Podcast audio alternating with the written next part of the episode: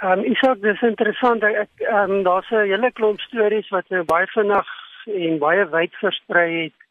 Maar as ek die inligting wat daar is reg verstaan, dan is dit 'n besprekingsdokument wat die vyf ambassades aan een van president Ramaphosa se gesante gegee het wat hom help met die werwing van buitelandse beleggings. Ehm um, dit was in Julie 2018. Skynbaar het die dokument die naweek hier rondte gedoen en in die pers beland en dit is toe aangebied as 'n tipe van 'n teregwysing of 'n voorskrif van president Ramaphosa van wat hy moet doen wat hierdie vyf regerings wil hê indien hulle indien hy beleggings wil hê in Suid-Afrika.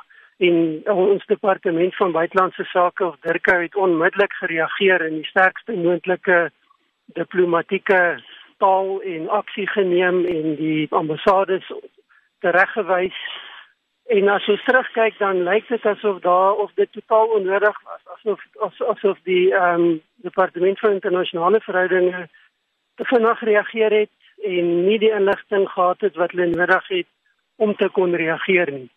Nou jy het nou net gesê hoe die departement van buitelandse sake en die ANC hierop gereageer het. Dawie, jy was verlang in die diplomatieke diens, moes die ANC en die departement die saak anders gehanteer het? Ek sê dat ons eers net die emosie uithaal en die ware feite kyk. Hierdie uh, misleidende artikel deur die Sunday Times was uiters onprofessioneel. Eerstens, die indruk is geskep dat dit vars nuus was terwyl dit 7 maande oud was. Tweedens, daar is voorgegee dat die vyf ambassadeurs 'n ondertekende brief direk aan die president gestuur het wat totaal onaanvaarbaar is in internasionale verhoudings, terwyl dit in werklikheid 'n informele gespreksdokument was en ek sterk ondersteunend was van die president se inisiatiewe. Derdens is die tydsberekening so kort voor die verkiesing uiters verdag en laastens is dit aangebied as 'n soort van dreigement van 'n beleggingsboikot terwyl dit soos ek gesê het sterk ondersteunend was.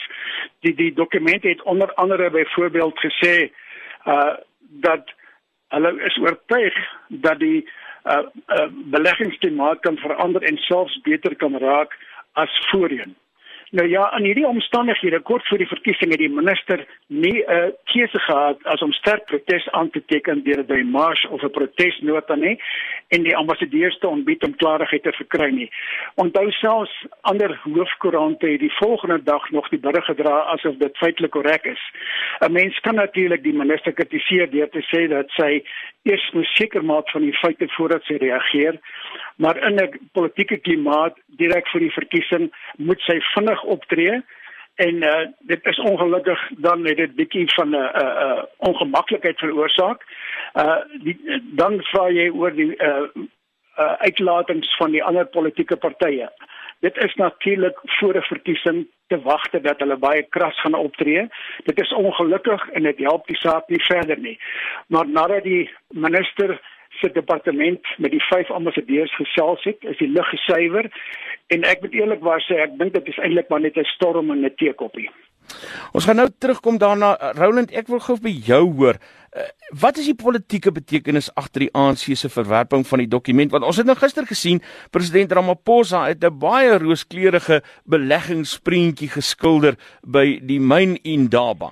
Nou die ANC waarvan Ramaphosa die leier is, besluit om skerp op die dokument te re reageer. En die vraag is dan nou is Ramaphosa deel van daardie reaksie of is hy uitgestem tydens 'n spesifieke faksiese besluit om op te tree? Nou, ek dink dit is 'n baie belangrike vraag, maar die vraag gaan breër as net die ANC, want want dit betrek ook weer die departement van internasionale betrekkinge. As ons gaan kyk na die uitspeel van hierdie proses, dan lyk dit asof wat in die presidentskap gebeur en wat in die departement gebeur nie baie goed belyn is nie. Um en dieselfde wat in die presidentskap gebeur en wat in die ANC gebeur, lyk of dit twee wêrelde is.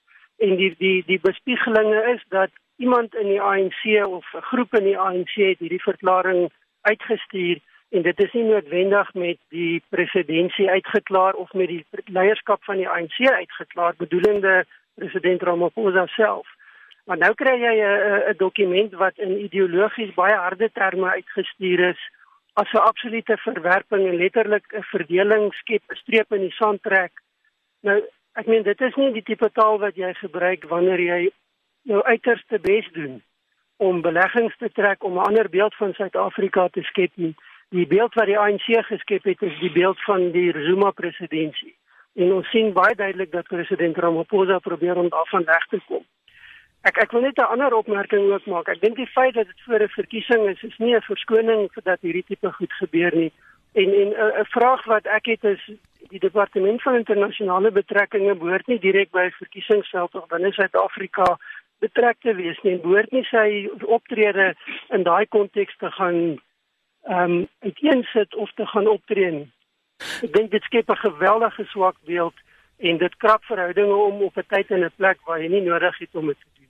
En daai vraag wat jy dan nou vra is juist die een wat ek ook aan Dawie wil vra. Dawie, as jy dan nou op uh, Roland se laaste opmerking kan reageer.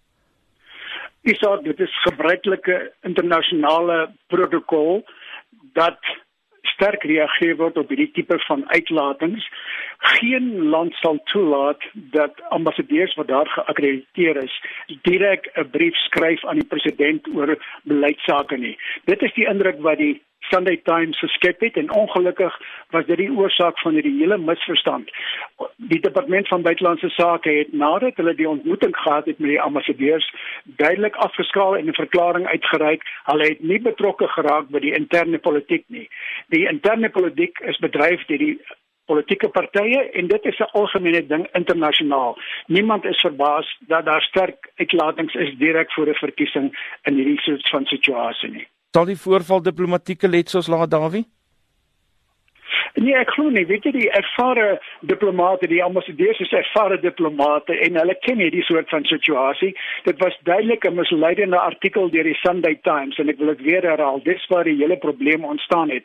Ongelukkig was daar te vinnig gereageer, maar die ambassadeurs het saam in 'n nota verduidelik dat dit nie 'n brief was wat direk aan die president gestuur is nie en daar is duidelik die gemoedere is gekalmeer en hierdie soort van ding is eintlik soos ek gesê het 'n storm in 'n teekoppie. Ek dink regtig nie dit sal permanente letsels laat nie, afhangende natuurlik van hoe dit verder bestuur word.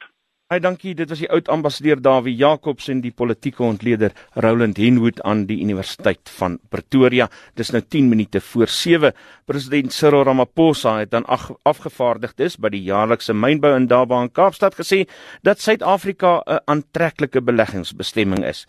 Hy beskryf mynbou as 'n sonopbedryf wat besig wat besig is om van ekonomiese uitdagings te herstel.